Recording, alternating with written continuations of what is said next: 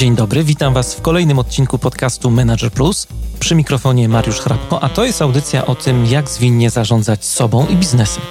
Jeżeli chcecie, żeby coś zmieniło się w Waszym życiu i czujecie potrzebę ciągłego szlifowania swoich umiejętności, zapraszam do słuchania moich audycji. To jest podcast Manager Plus. Dzisiaj w audycji będziemy rozmawiali o wartościach, szczególnie w kontekście wprowadzania i pracy z wartościami w firmie, w organizacji. Dzisiejszy odcinek będzie takim studium przypadku pewnej kancelarii olesińskiej wspólnicy, ale o tym za chwilę. No i z tej okazji też do wirtualnego studia podcastowego zaprosiłem dzisiaj Katarzynę Pamuła-Wrubel, która jest dyrektorem w dziale pomocy publicznej Kancelarii Olesińskiej Wspólnicy. E, wykłada na studiach podyplomowych pomocy publicznej e, w Szkole Głównej Handlowej w Warszawie. No i jest też, to bardzo miłe, absolwentką studiów podyplomowych Agile Leadership, gdzie właśnie mieliśmy się okazję poznać. Witam Cię, Kasiu, bardzo serdecznie. E, cześć, dzień dobry, również Cię witam. Na początek tak dużo o tobie można mówić, bo, bo czytałem różne notki. Myślę, że najlepiej będzie, jak sama powiesz, co ty takiego robiłaś, robisz, bo pojawia się cały czas ten temat, że jesteś specką od pomocy publicznej. E, tak, specką od pomocy publicznej. Mhm. Myślę, że to jest pierwsza definicja, jaką można o mnie powiedzieć, ale nie tylko. Mhm. Zacznę może od, od mojej korekty. Obecnie pracuję w firmie Olesińskiej Wspólnicy, e, więc jest tylko jeden Olesiński, e, Rafał. E, Rafał jest, jest partnerem zarządzającym w firmie, która mhm. Jest kancelarią, ale nie tylko. To jesteśmy tak naprawdę taką grupą doradczą. Mhm. Pomagamy głównie przedsiębiorcom w różnych sprawach e, z zakresu prawa podatkowego, z prawa pracy. E, e, jeżeli jest, jest problem, można się do nas zwrócić. Natomiast ostatnie lata to już nie tylko pomoc publiczna, ale bardziej może działalność również menedżerska, czy zarządcza, czy też mhm. liderska. I to jest takim przedmiotem mojego zainteresowania i stąd też w ogóle wziął się pomysł na studia, studia na SWPS-ie Mhm. Studia, o których wspomniałeś, czyli studia Agile Leadership, e, na których miałam ogromną przyjemność e, studiować i przez nie przebrnąć, ale z wielką przyjemnością. A nie było łatwo, nie? Nie było. Zaliczenie było strasznie trudne w szczególności. Tak, ten egzamin zwłaszcza na końcu. Tak, egzamin był strasznie trudny. Bo y, ja tak cię podpytam już, jak, jak wywołaliśmy ten temat o te studia trochę, bo tutaj kilku wykładowców się pojawiało w podcaście Manager Plus. Było kilku studentów, była też Ewa Pawłowska na przykład, którą doskonale znasz. Y, co ci dały te studia? Tak jakbyś popatrzyła sobie z perspektywy czasu, bo ty byłaś w pierwszym roczniku, to była pierwsza edycja taka dla mnie tak. bardzo niepewna. Tak, e, byliśmy chyba eksperymentem, ale myślę, tak. że ciężko sobie wyobrazić e, bardziej e, skuteczny, czy też zakończony większym sukcesem eksperyment. Mhm. Takie odnoszę wrażenie, bo, bo ciągle jesteśmy w kontakcie i ciągle działamy. Mm, co mi dało? No mam, mam wrażenie, że mi wszystko ostatnio, co się u mnie dzieje, to właśnie przez te studia. Mm, bardzo, bardzo dużo wiedzy, bardzo dużo wspaniałych relacji. Nie tylko ja to powiem, że bardzo dużo te studia wprowadziły zamieszania i takiego pozytywnego zamieszania w moim życiu, bo przez te studia między innymi zmieniłam pracę. Po 11 mhm. latach pracy we wspaniałym Urzędzie Ochrony Konkurencji i Konsumentów, w którym miałam przyjemność pracować, przeszłam do biznesu, bo, bo właśnie miałam taką potrzebę rozwoju e, tych kompetencji w zakresie zarządzania zespołem, ale też takiej pracy nad sobą, e, mhm. samorozwoju e, i to wszystko miałam, e, miałam okazję poznać na tych studiach, więc e, wieloobszarowo. Nie wiem, to jest tak sobie myślę, nie wiem, czy jest dobra reklama, bo ostatnio też mieliśmy dosłownie no, tydzień temu zakończenie E, drugiej edycji. No i też kilka osób zmieniło pracę i tak sobie myślę, że pracodawcy nas słuchają, to nie wiem, czy będą chcieli pracowników wysyłać na, na takie studia. To, to można zmienić. To prawda, to Ale prawda. To sygnał, że trzeba myśleć o wartościach właśnie. To jest też nasz, nasz temat dzisiaj. Dokładnie tak. Praca, praca z wartościami. Czym są dla ciebie w ogóle wartości? Kurczę, to chyba, tak chyba najtrudniejsze, najtr, najtrudniejsze pytanie, od jakiego może, mhm. możesz zacząć. Mhm. Wiesz co, ja się długo zastanawiałam nad tym, czym są wartości mhm. i myślę, że bardzo często się słyszy, że, że wartości to jest taki kompas, którym się kierujemy Ja myślę, że w ogóle wartości czasami są e, ciężkie do ujęcia w, w słowach, że wartości się często czuje. E, doświadcza, też, nie? Doświadcza, dokładnie. E, dlatego samo mówienie o wartościach może być tak trudne i myślę, że to jest ten element, który jeszcze dzisiaj wyjdzie w naszej rozmowie, kiedy, kiedy troszkę Ci opowiem o tym, jak pracowaliśmy z wartościami, czy jak pracujemy z wartościami w mojej firmie. Bo kiedy zaczęliśmy rozmawiać o tych wartościach, to usłyszałam coś takiego, e, e, Kasia, ale o co ci chodzi? E, przecież my wszystko wiemy, to się, to się przecież czuje, my to czujemy. Mhm. A ja wtedy mówię, słuchajcie, super, że to czujecie, ale o uczuciach też można mówić. I, no i tak właśnie zaczęliśmy rozmawiać o, o wartościach w firmie. No, fajnie, że to powiedziałaś, bo tak jak tutaj zauważyłaś, że faktycznie jest to, to pojęcie jest takie nie chcę powiedzieć niedodefiniowane, ale dla wielu osób jest takie nieostre i takie intuicyjne, bardzo. Na pewno wartości się doświadcza, to, to jest ważna rzecz, ale e, ten kierunek, do którego zmierzamy, ja sobie tak myślę, że tak najczęściej postrzegamy potocznie też e, wartości, nie jako takie e, rzeczy, które są dla nas ważne, które chcemy bronić w życiu, o które chcemy jakoś zawalczyć. Ale to takie jest myślenie o wartościach w kontekście takim bardzo statycznym. Nie? Ja, ja jakiś czas temu dotarło jakoś tak mocno do mnie, że wartości mimo wszystko są jakimś takim procesem działania, nie? I, i y, to się też wiąże z, z, językiem, jakim mówimy o wartościach, bo jak sobie tak popatrzysz na wartości jako pewien proces działania, to, to dochodzisz do takiego momentu, że no, wartości nie są rzeczownikiem, tylko to jest bardziej, y, bardziej czasownik i w ogóle współczesna psychologia bardzo mocno na to zwraca uwagę. Brené Brown na przykład dużo o tym też mówi. No i dochodzi się, myśląc o wartościach jako, jako pewnym procesie działania, do takiego wniosku, że na przykład, no nie wiem, zaufanie nie jest wartością jako rzeczownik, bo wartością jest na przykład no, bycie otwartym wobec siebie w zespole. Nie tak samo jest z odwagą. Odwaga jako taka nie jest wartością, tylko wartością jest wytyczanie jasnych granic w relacjach z innymi. To też pokazuje, jak my na różne sposoby możemy tę wartość rozumieć w działaniu właśnie dość ciekawy wątek, tak? Tak, ja, ja się zdecydowanie, zdecydowanie się z Tobą zgadzam. E, I, I to znowu mogę się odwołać jakby do swojego doświadczenia, bo nawet jak spróbujesz wygooglować mhm. e, wartości albo coś takiego, hasło tabela wartości albo zbiór wartości, to ci wychodzą rzeczowniki.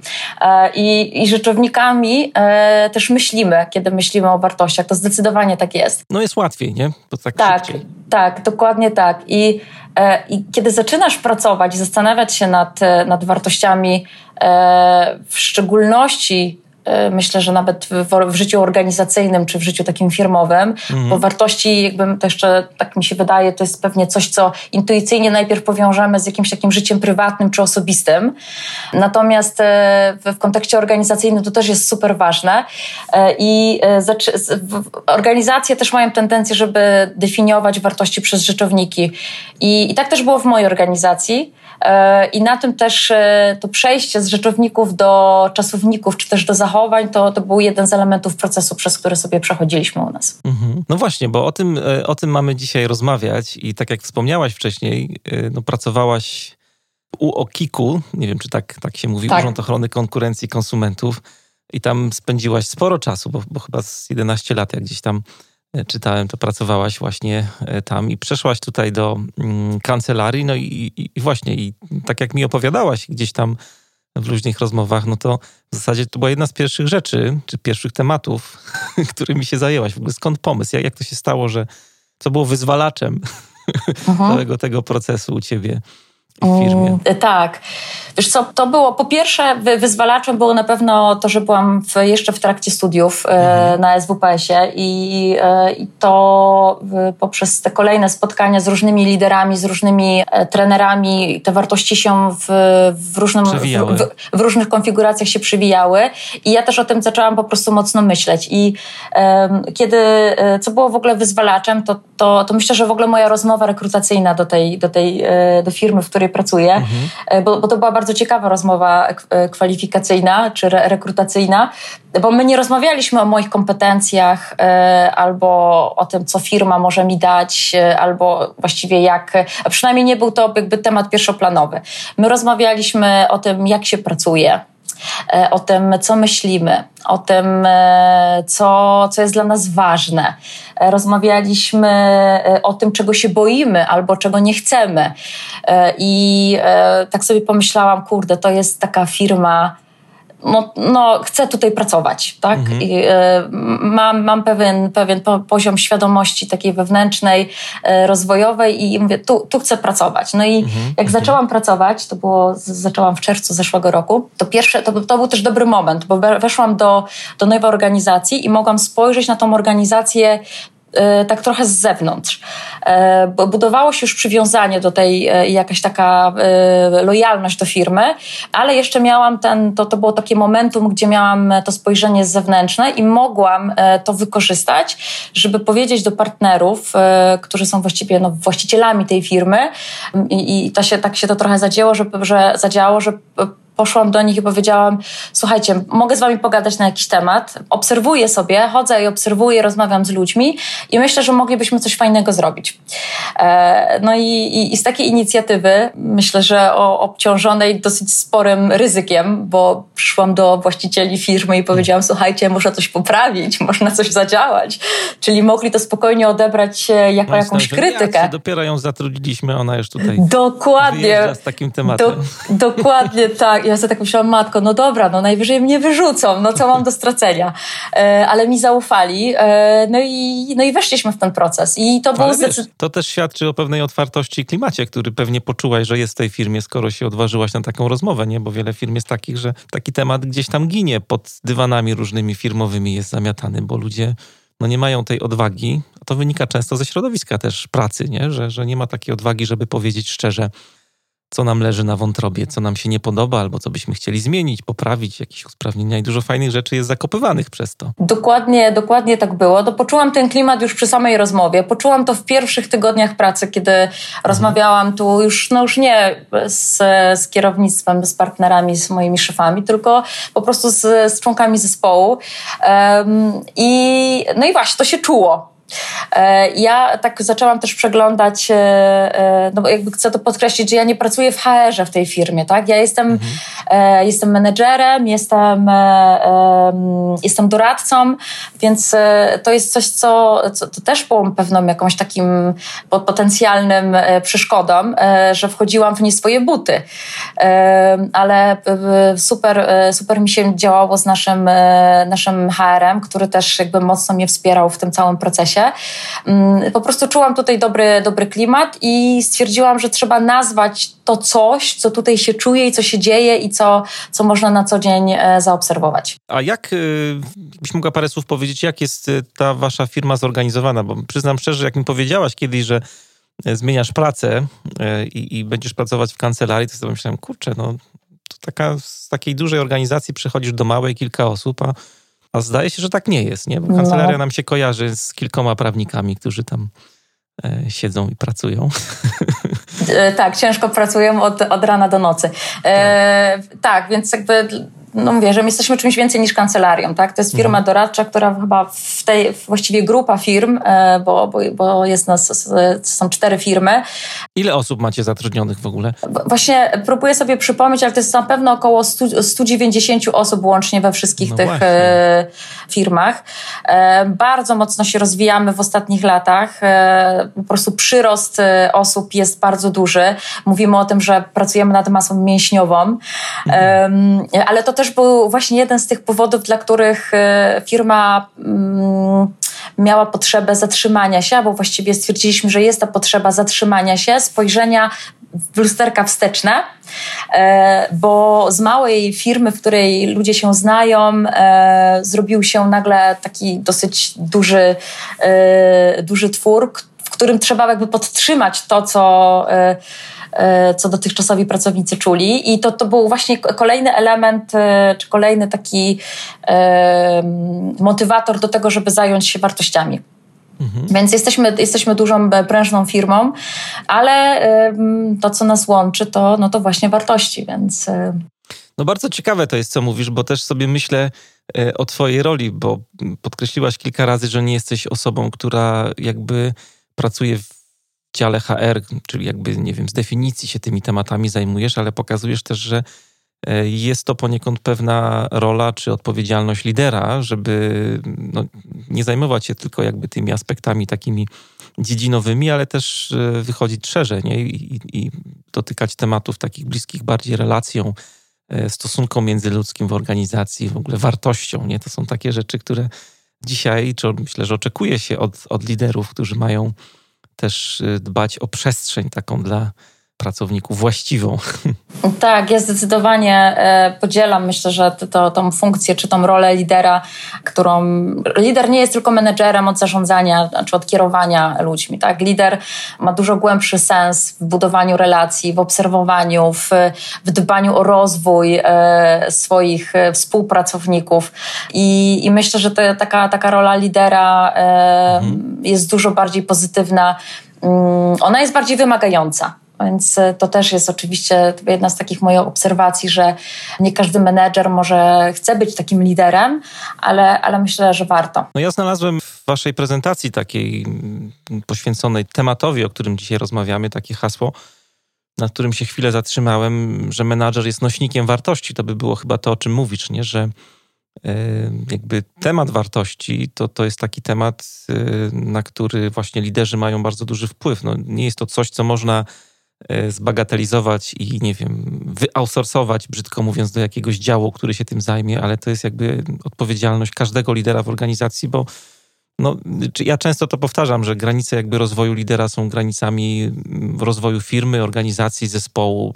Jak lider dojdzie do pewnej ściany, e, to tak samo będzie z zespołem, który też, y, też za nim idzie. Tak, więc y, myślę, że to jest też y, fajne, że to, co się u nas zadziało w firmie, że to właśnie nie było inicjatywą odgórną, HR-ową mhm. albo wręcz od, idącą od od szefostwa, tylko ja trochę jednak mam poczucie, że to wyszło oddolnie, bo, bo jednak no, jestem menedżerem, ale nie jestem, nie jestem prezesem wielkiej spółki i nie mam, nie mam takiej funkcji, żeby coś narzucać.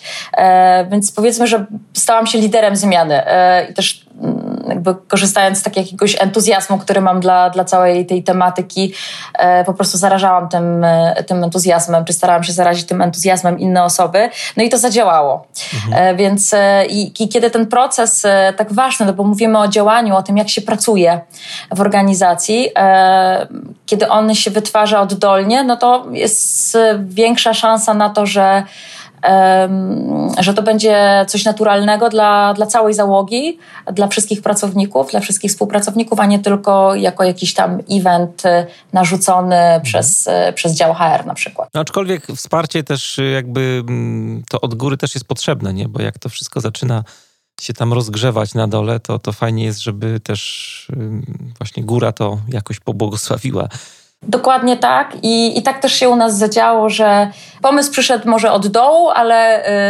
y, poszedł do góry i góra zaczęła go y, jakoś konkretyzować. Tak? I to była, to była taka y, na początku mo, moja praca i, i praca HR-u z, z, partnerami, ten moment zatrzymania się, tak? bo zaczęliśmy tak naprawdę od. No właśnie, no, jakbyś mogła tak parę słów mhm. powiedzieć o tym, o tym procesie, jak to wyglądało i. I, i, gdzie to zmierza, nie? Bo to, to, to jest tak, że tam były jakieś fazy też tej tak. waszej pracy. Tak, e, więc e, no wszystko zaczęło się powiedzmy od tej mojej obserwacji. Mhm. E, tak próbując sobie przypomnieć, myślę, że to były jakieś trzy miesiące, kiedy, kiedy tak chodziłam, obserwowałam, rozmawiałam z ludźmi mm, i we wrześniu Ale zaczęłam... Rozmawiałaś, rozmawiałaś konkretnie o wartościach, czy, czy tak bardziej próbowałaś wyłapać, czy Ludzie się odnoszą jakoś, nie wiem, na poziomie jakimś takim emocjonalnym na przykład do rzeczy, które są dla nich ważne w tej pracy. Yy, tak, znaczy nie nazywałam tego e, cześć, e, pogadamy dzisiaj o wartościach. Nie, raczej było tak, że pytałam, jak im się pracuje, mhm. co im się podoba, co im się nie podoba, czy chcieliby coś zmienić. I, Oni patrzyli dziwnie na ciebie, że tutaj świeża osoba. Patrzyli, patrzyli. W ogóle miałam wrażenie, że na, na początku myślałam, że jestem jakimś takim audytorem, kontrolerem, i że będę kablować, przepraszam, mówiąc brzydko. Pewnie. Tak, dokładnie mhm. tak, ale, yy, ale nie, to szybko, to szybko minęło. Mhm. E, więc e, nie, i rozmawiali. To było bardzo, bardzo fajne, że rozmawiali. E, I no i później jakby trochę jakby z, z, po tych rozmowach, po tych jakichś obserwacjach moich, bo wiadomo, to e, w firmie się mieli, tak? Jest, zawsze coś się dzieje, są różne relacje, są konflikty, są jakieś e, takie e, historie i, i, na bazie tego można sobie zbudować jakiś obraz. No i ja pr przyszłam z tym obrazem do, do, nasz, do partnerów i zaproponowałam im warsztat warsztat. E, zaproponowałam im warsztat, na którym e, chciałam, żeby zrobili e, takie spojrzenie, zatrzymanie i spojrzenie wstecz. Mhm. Tutaj u nas w firmie nawet się mówi o tym, że patrzymy w lusterka wsteczne. I e, im ten pomysł się spodobał. E, zaufali mi jakby w... Nie wiedzieliśmy, co z tego wyjdzie, tak? To absolutnie nie było tak, że od samego początku wiedzieliśmy, co z tego wyjdzie. Też nie miałaś oczekiwań pewnie takich, nie? Żeby... Nie z tego zrobić jakiś program? Nie, e, e, raczej nie miałam takich e, e, jakichś specyficznych oczekiwań. E, w organizacji były wartości, była tabela wartości, e, natomiast to były tylko hasła, mhm. rzeczowniki, tak, mówiliśmy o tym. No i ja z, z, stwierdziłam, że ja chcę z nimi porozmawiać na temat tych rzeczowników, jak oni to rozumieją. No i to był taki warsztat, sobie nawet spojrzałam w kalendarz 1 października, mieliśmy taki warsztat z partnerami. Zamknęliśmy się na pół dnia, co jest dużym wyzwaniem, żeby zebrać e, tak bardzo zapracowanych partnerów e, e, w jednym miejscu, ale byli bardzo dzielni. Spotkaliśmy się zamknięci w jednej salce. Zrobiliśmy sobie kontrakt, że poświęcamy ten czas i uwagę, więc zamykamy komputery, odcinamy się i, i wchodzimy w dyskusję. Dyskusja była momentami ciężka. Ale miałaś jakąś, miałaś jakąś agendę tego spotkania? Co tam z nimi chciałaś przerabiać na przykład? Tak, oczywiście była, była agenda. E, jak rozmawiasz z prawnikami, to nie możesz przychodzić sobie e, od tak, e, więc była agenda. Tak myślę pod kątem też słuchaczy, nie? Bo tak sobie mogą myśleć, ja też sobie myślę, ale o czym tam rozmawiać przez pół dnia? Kurczę, no. Mm, ja, ja im zadawałam pytania i, i najfajniejsze było to, że oni od razu zaczęli ze sobą rozmawiać. Ze sobą.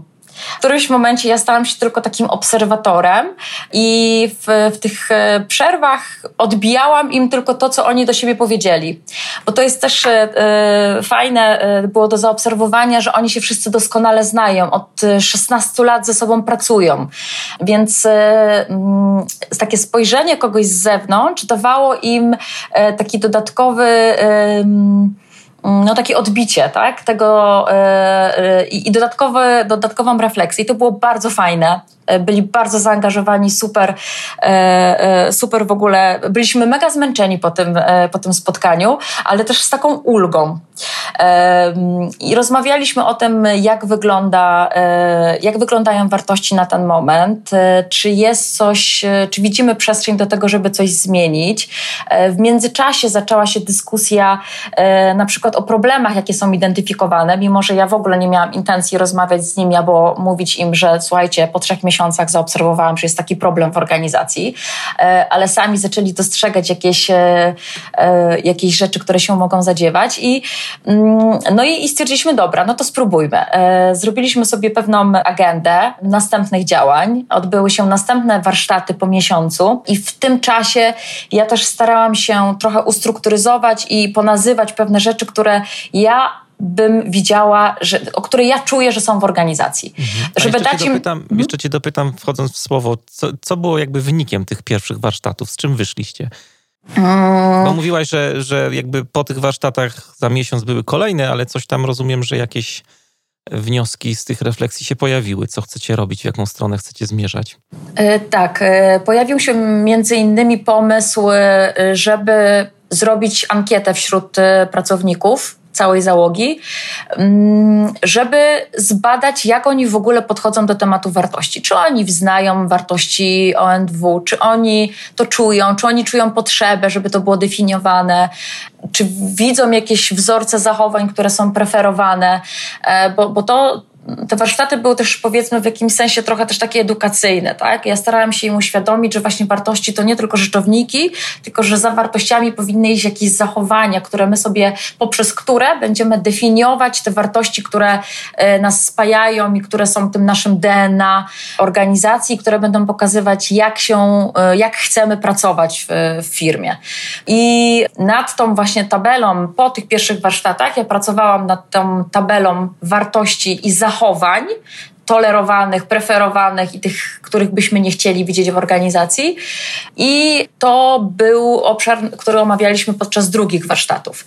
E, na drugich warsztatach też dopięliśmy e, ostatecznie kształt e, ankiety i właśnie po tych drugich warsztatach przeprowadziliśmy w, w firmie tą ankietę. A co Ankieta... było przedmiotem tej ankiety mhm. właśnie? O czym tam mhm. pytaliście, o co pytaliście? Tak, zaczęliśmy bardzo przewrotnie. Pierwsze pytanie było e, pytaniem otwartym, żeby pracownicy wskazali, jakie, e, jakie wartości w, są w firmie e, hołdowane, czy jakim, jakim, e, jakie, jakie są wartości firmy. E, I to było e, o tyle, mm, no, to, to było jakby zamierzone, żeby w ogóle zweryfikować, jaki jest poziom wiedzy na temat wartości w organizacji. I to było ciekawe. Za chwilę chwilę Ci powiem, jak, jak e, te wyniki się przedstawiały, ale w dalszych pytaniach e, już powiedzieliśmy, w drugim pytaniu e, członkowie mogli sobie, załogi mogli sobie przeczytać, jakie są te wartości na ten moment zdefiniowane. No i później się już do nich stricte odnosiliśmy, czyli pytaliśmy, e, czy one, czy pracownicy mają poczucie, że one są żywe w organizacji, czy wręcz przeciwnie.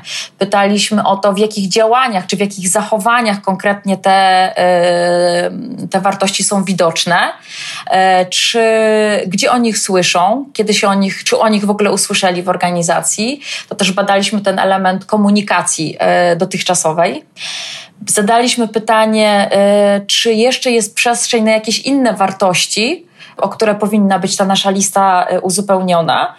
Było też pytanie o to, czy, czy się rozmawia o tych wartościach, w sensie, czy mm, przełożeni wykorzystują te wartości, nie wiem, na przykład w trakcie ocen okresowych albo w trakcie rekrutacji. No i kończyliśmy pytaniami otwartymi, e, gdzie e, szczerze oczekiwaliśmy albo obawialiśmy się, że może być taki, e, tak, takie wiadro zimnej wody, gdzie pracownicy powiedzą nam coś, czego byśmy niekoniecznie chcieli usłyszeć. Mhm. Ale po pierwsze, była super frekwencja. To była ciężka ankieta. Przedłużyliśmy termin na początku chyba dwa tygodnie przedłużyliśmy ostatecznie chyba ze trzy tygodnie, można było ją wypełniać. Ona była anonimowa i w taki sposób e, też ułożona, żeby nie można było doszukiwać się, kto udzielił jakiej odpowiedzi, bo chcieliśmy zadbać o ten komfort, żeby e, jeżeli ktoś ma jakąś obawę, to żeby to się jej pozbył. I e, frekwencja była prawie 70%, więc bardzo wysoka. Super. Mhm. I odpowiedzi nas po prostu zaszokowały. Ale pozytywnie czy tak? Pozytywnie. Pozy nie, właśnie pozytywnie. Tam, gdzie spodziewaliśmy się, że, że może być gorzej, to, to właściwie nic nie było. E, oczywiście nie było tak, że absolutnie żadnej uwagi nie było do, by, były wskazane pewne obszary, e, które są do poprawy albo nad którymi powinniśmy się zastanowić, ale generalnie była bardzo duża spójność w tym, co ludzie e, myślą i, i czują, e, jak się pracuje, jak definiują to, jak się pracuje i co najważniejsze, było poczucie, że wartości są żywe w organizacji. Natomiast ciekawe było, była semantyka. Ludzie bardzo różnie nazywali, e, to jest, wracam do tego pierwszego pytania, bardzo różnie nazywali te wartości, którymi się rzekomo w organizacji kierujemy. Mm, I to dla mnie był dowód, że trzeba, że to zadanie, którego się podjęliśmy, czyli takiego do, nazwania ponownego, zdefiniowania e, i doprecyzowania, że to jest coś potrzebnego. Było widać tą różnicę między e, pracownikami z dłuższym e, stażem, którzy wyrośli, wyrastali tak organicznie w organizacji, a nowymi pracownikami, którzy pojawili się w ostatnich miesiącach. Oni jeszcze nie mieli tej takiej organicznej wiedzy. I to jest kolejny jakby element tego, tej trochę funkcji e, tego, do czego dążymy, czyli żeby mieć taki takie narzędzie komunikacji, taki prosty sposób komunikowania e, czym są wartości w tej organizacji, jak się je definiuje. I to jest taki handbook trochę, żeby pracownicy wiedzieli, jak postępować, jak, jakie decyzje podejmować, jak podejmować pewne decyzje w trudnych e, e, sytuacji konfliktu, w sytuacji trudnej relacji z klientem, e, trudnej relacji z współpracownikiem i kiedy mamy być może jakiś jakiś konflikt wartości, tak? to ta, taką funkcję też w tym widzimy. No tutaj, tak jak się tutaj staram się pilnie słuchać, to zrobiliście takie fajną, taką fajną rzecz, zbadaliście też, jaki jest rozdźwięk, czy w ogóle jest rozdźwięk między tą aspiracją, czy deklaracją wartości, a działaniem. I z tego, co mówisz, to, to tak nie wygląda w, w waszej firmie. Ja tak sobie tutaj mm, pomyślałem o takich badaniach, które przeprowadził Donald Salt. To jest taki współzałożyciel firmy Culture X i dużo się zajmuje w ogóle badaniem kultury organizacyjnej. Zrobili dość duże badania, bo tam 700 organizacji głównie amerykańskich wzięło w nich udział.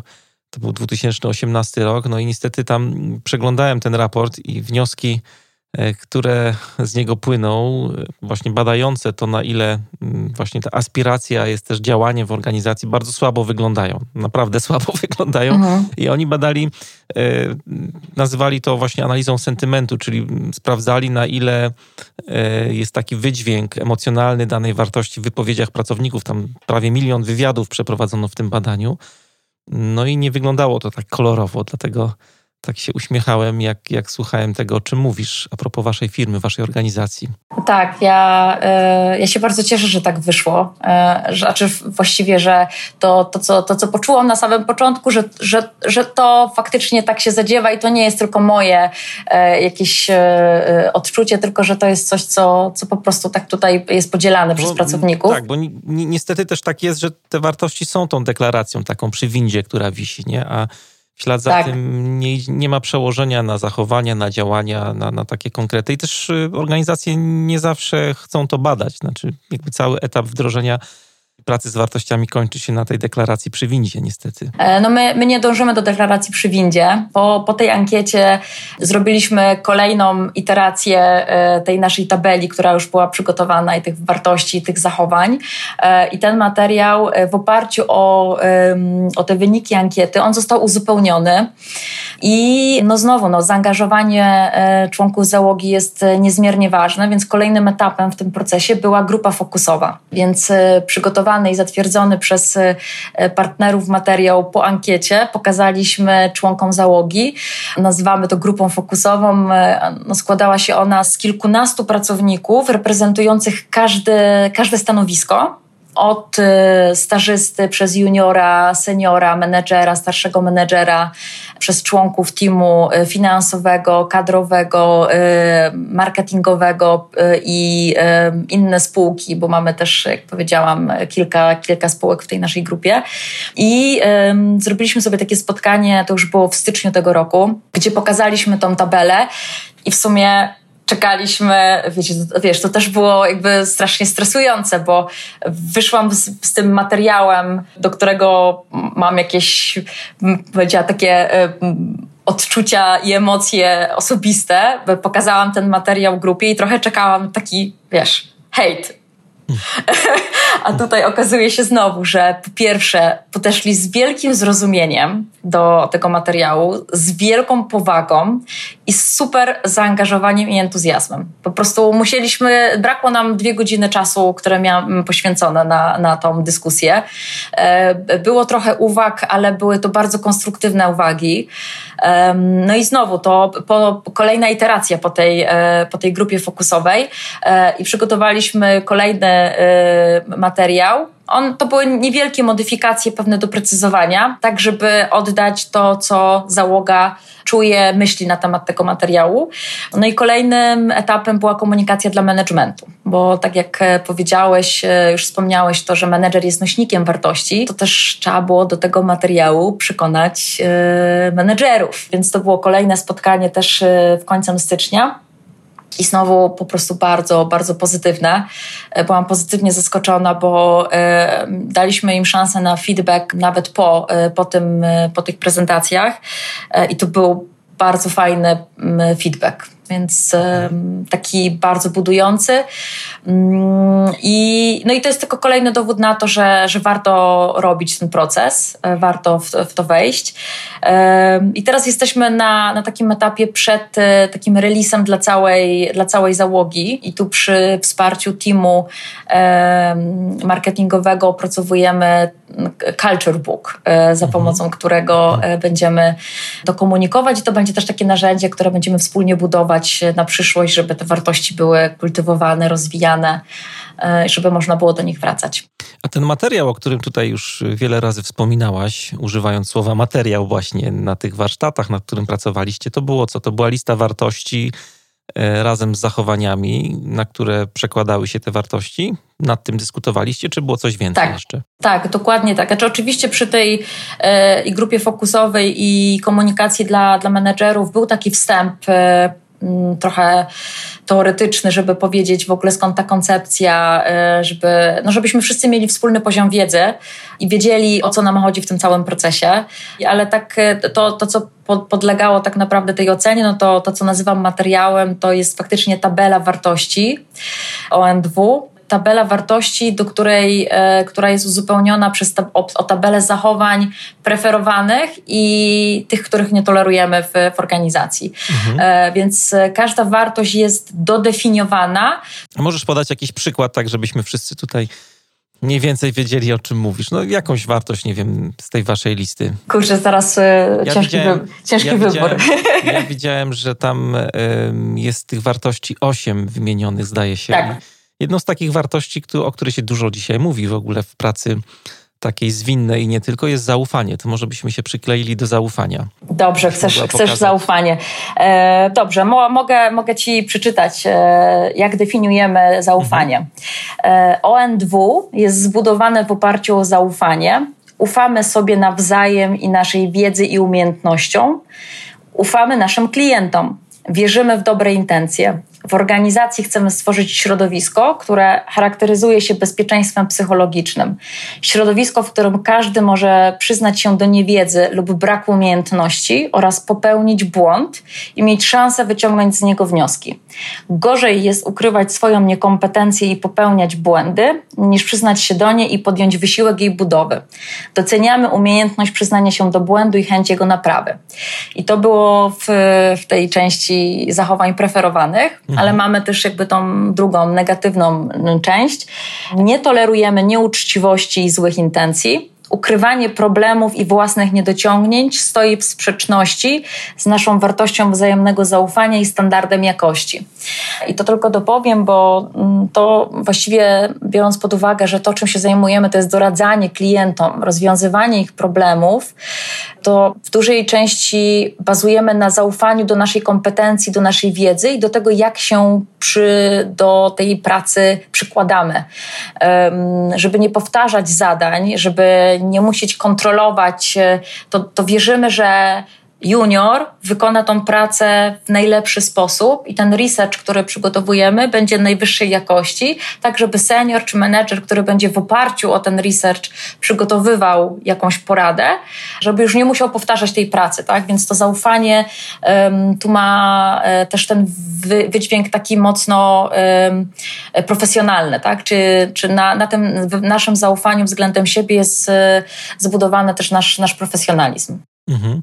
A jak, jak to było przyjęte w firmie? Jestem ciekawy tutaj właśnie tego przełożenia na zachowania, te, które są preferowane i niepreferowane. No bo jak mówimy o wartościach w organizacji, to często wydaje się, że wszystko jest jasne, tak jak powiedziałaś na początku. No zaufanie to, to zaufanie. Jak, jak mhm. było, jak się zaczęła w ogóle dyskusja o tym, co my przez to rozumiemy, albo co chcemy preferować, a co chcemy tutaj no, nie tolerować naszych takich w takim codziennym firmowym życiu? Po pierwsze, e, zaufanie było jedną z tych wartości, która w tych naszych ankietach wybrzmiała najmocniej. To też była ciekawa obserwacja, że, że większość pracowników e, stwierdzało, że zaufanie to jest coś, co jest super ważne.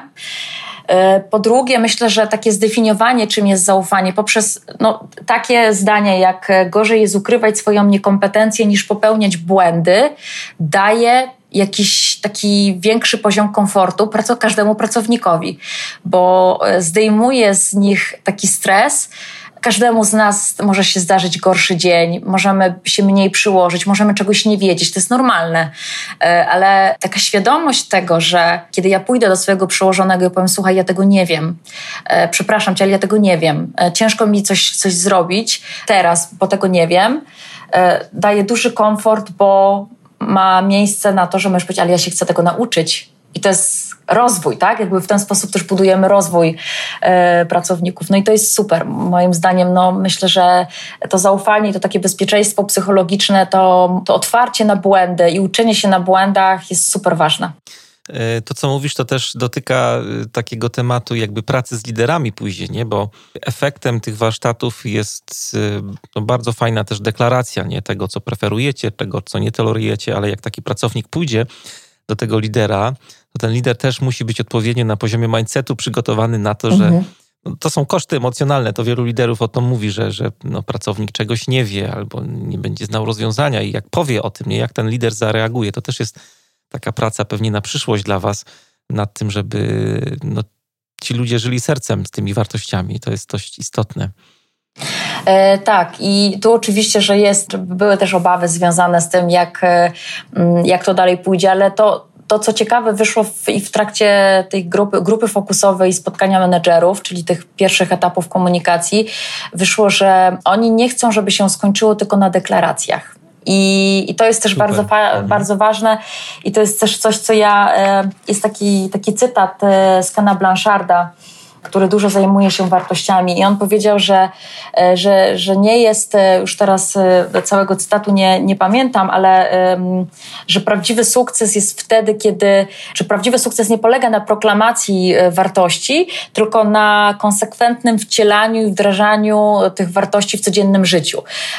I, i, i fajne jest to, że sami nasi pracownicy na to zwracają uwagę. Czyli, że oni nie chcą, żeby to była tylko deklaracja i żeby się na tym skończyło, że sobie opublikujemy w, w intranecie naszym tam tabelę z zachowaniami, tylko żeby ona była mm, żywa, żebyśmy ją wykorzystywali, nie wiem, przy ocenach okresowych, przy trudnych rozmowach z, z naszymi przełożonymi czy z pracownikami, e, żebyśmy ją wykorzystywali przy rekrutacji, e, żebyśmy mieli, ona ma da, nam dawać komfort podejmowania decyzji w trudnych sytuacjach, więc e, ta, taką, taką widzimy funkcję.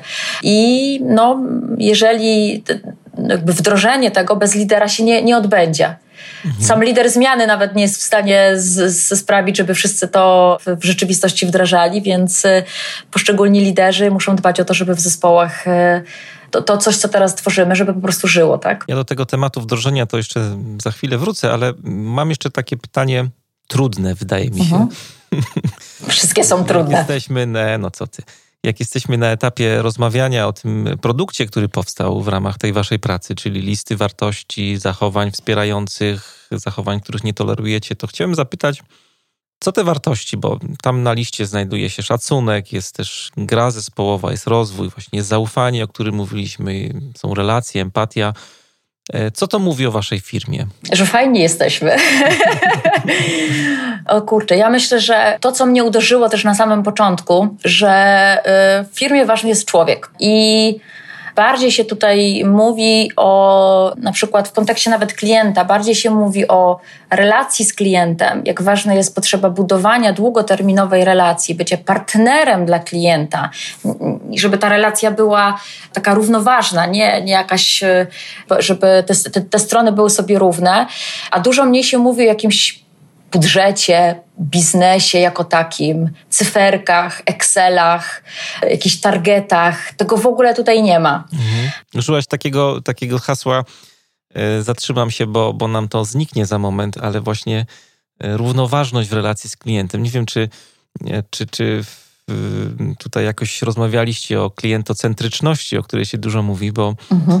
Y, właśnie miałem jakiś czas temu taką dyskusję z liderami na ten temat, że ta klientocentryczność, że klient jest w centrum, klient jest naszym panem, oczywiście to jest jak najbardziej, wiemy co za tym się kryje, ale, ale to prowadzi do zaburzenia tej symetrii w relacji. A tutaj mówisz o takiej równowadze, czyli bardziej o symetrii. To jest też ciekawe, że jesteśmy partnerami jakby, nie? To też Agile zrobił, że jakby klienta wciągnął na pokład zespołu, nie? Klient jest częścią zespołu. To nie jest taka asymetria, że właśnie klientocentryczność. To wiem, że to jest już trochę taka dygresja filozoficzna, ale za tym się też przekładają konkretne działania w takich codziennych relacjach, o których mówisz. Do, dokładnie tak. Też nie chcę, żebyś, żebym tu była źle zrozumiana. To nie znaczy, że klient nie jest dla nas ważny. No, no my pracujemy dla, pracujemy dla klienta, ale myślę, że to, co powiedziałeś, że ten, to agile'owe podejście to jest, to jest coś, co, co jest nam bliskie. Jedną z naszych wartości jest tworzenie wartości dodanej, ale przez to rozumiemy wartość rozumiemy jako jakość, proces i relacje. Czyli partner, my chcemy e, rozmawiać z naszym klientem jako z naszym partnerem. Bardzo się cieszymy, kiedy klient nas e, traktuje jako członka swojego zespołu, e, a nie tylko jako dostawcę jakiejś usługi. E, bo my wtedy jesteśmy w stanie też lepiej poznać potrzeby klienta, nie kończyć współpracy tylko na wydaniu opinii, ale interesuje nas, co się dalej dzieje. Jesteśmy w stanie jakby z, w związku z tym czasami dostrzec problemy, których klient sam jeszcze nie dostrzega, albo wręcz mu mówimy: Słuchaj, ty źle definiujesz ten, ten, ten swój problem, jego można dużo prościej rozwiązać w taki sposób. I to jest bardzo, bardzo fajne. Mm, I myślę, że to jest coś, co nas cieszy, że, że my po prostu mamy. Faktycznie jest to dla nas ważne, mm, bo, bo to też pozwala budować długoterminową relację z klientem.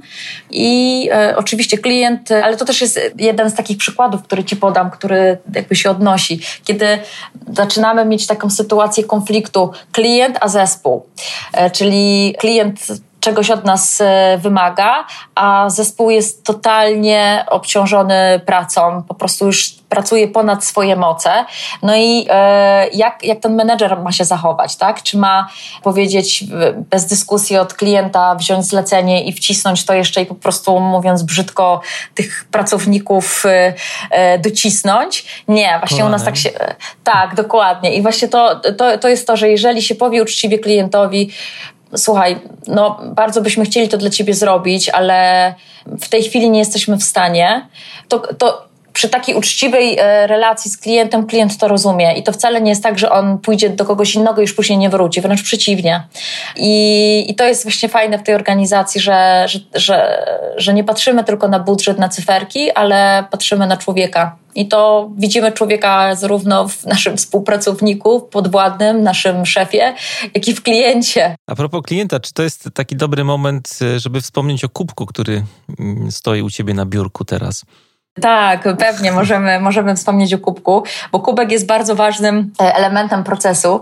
W, w mojej firmie pojawił się e, kiedyś kubek, ale to jest ciekawe, to, to był kubek, który w ogóle pojawił się już e, jakiś już dłuższy czas temu, kiedy mnie w organizacji nie było.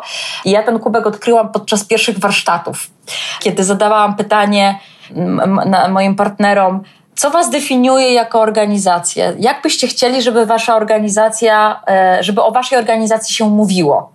No i wtedy któryś, już nie pamiętam, która, która osoba z, z szefostwa pokazała mi, słuchaj, mamy taki kubek, na którym e, zawarliśmy zdanie, e, cytat z maila od klienta.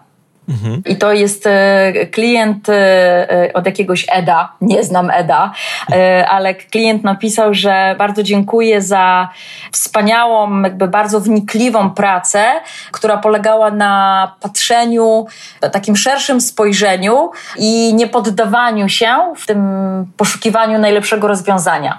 I że zdaniem tego, tego klienta to jest coś, co nas wyróżnia. No i, i to no piękne, w jakiś sposób tak, tak się spodobało e, partnerom, mi osobiście też się bardzo podoba, że, że stało się to takim mottem, który pojawił się na kubku e, firmowym. Chciałbyś popracować nad swoimi wartościami, ale nie wiesz od czego zacząć? Szukasz szybkiego poradnika, który w trybie instant pomógłby ci się tym zająć? Zdaje się, że mam coś dla ciebie.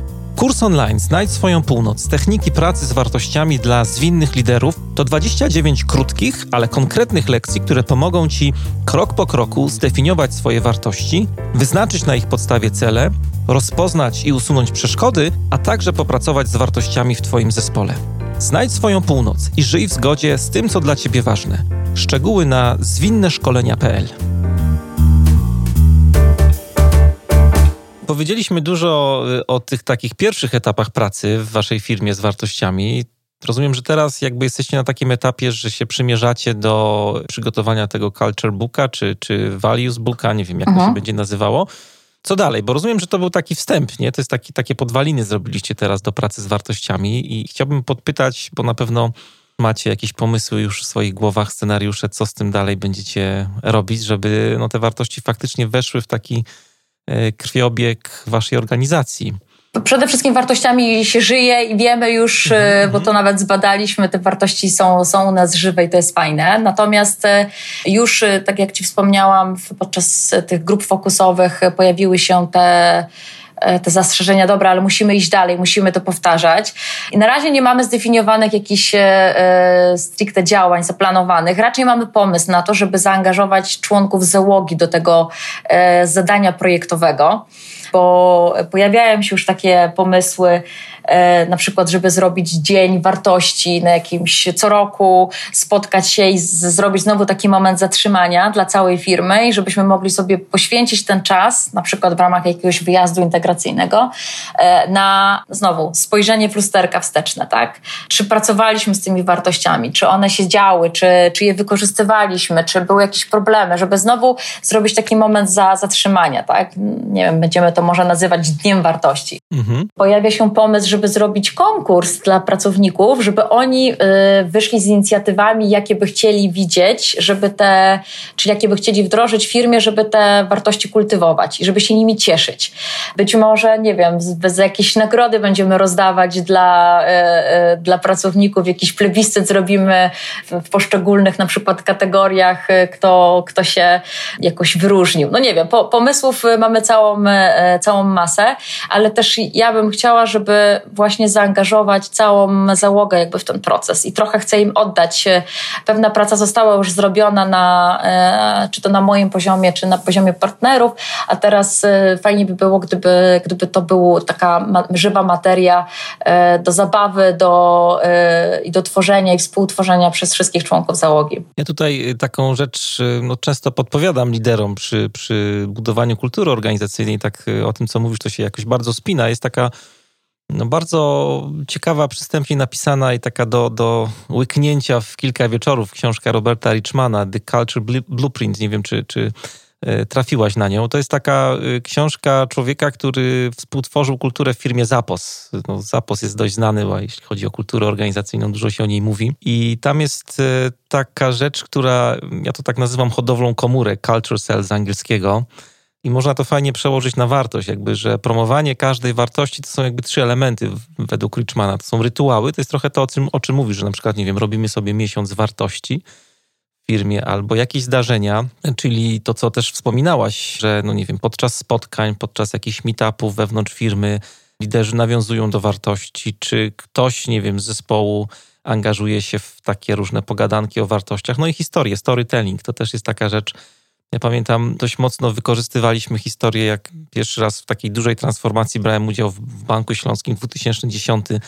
Mówiliśmy o tym na konferencjach, więc nie, nie zdradzam żadnej tajemnicy teraz, ale właśnie e, wykorzystywanie takich pozytywnych historii na różnych takich spotkaniach firmowych bardzo dużo dawało. Jak e, był na przykład duży opór na zmianę i nie wiem, pojawiał się ktoś, jakiś właściciel produktu, który był e, bardzo jakby zaangażowany w cały proces zmiany i wciągnięcie go na pokład bardzo rozładowywało napięcie wśród product ownerów w całej tej grupie, którzy może byli przeciwni całej zmianie, więc rytuały, zdarzenia i historie tak trochę podsumowuje to, o czym mówisz tutaj w kontekście jakby dalszej, dalszej pracy nad wdrożeniem. Tak, dokładnie. Taki był też nas, e, ten nasz zamysł dotyczący Culture Booka, że to ma być właśnie przełożenie trochę na taki storytelling, czyli współtworzenie e, tej naszej takiej pamięci, historii w kontekście na przykład poprzez obrazowanie jakiejś wartości e, jakimiś fotkami czy jakimiś filmikami z życia organizacji, żeby mhm że też, też fajnie dla, to jest bardzo fajne narzędzie moim zdaniem dla nowych pracowników, kiedy ktoś przychodzi i chce poznać organizację.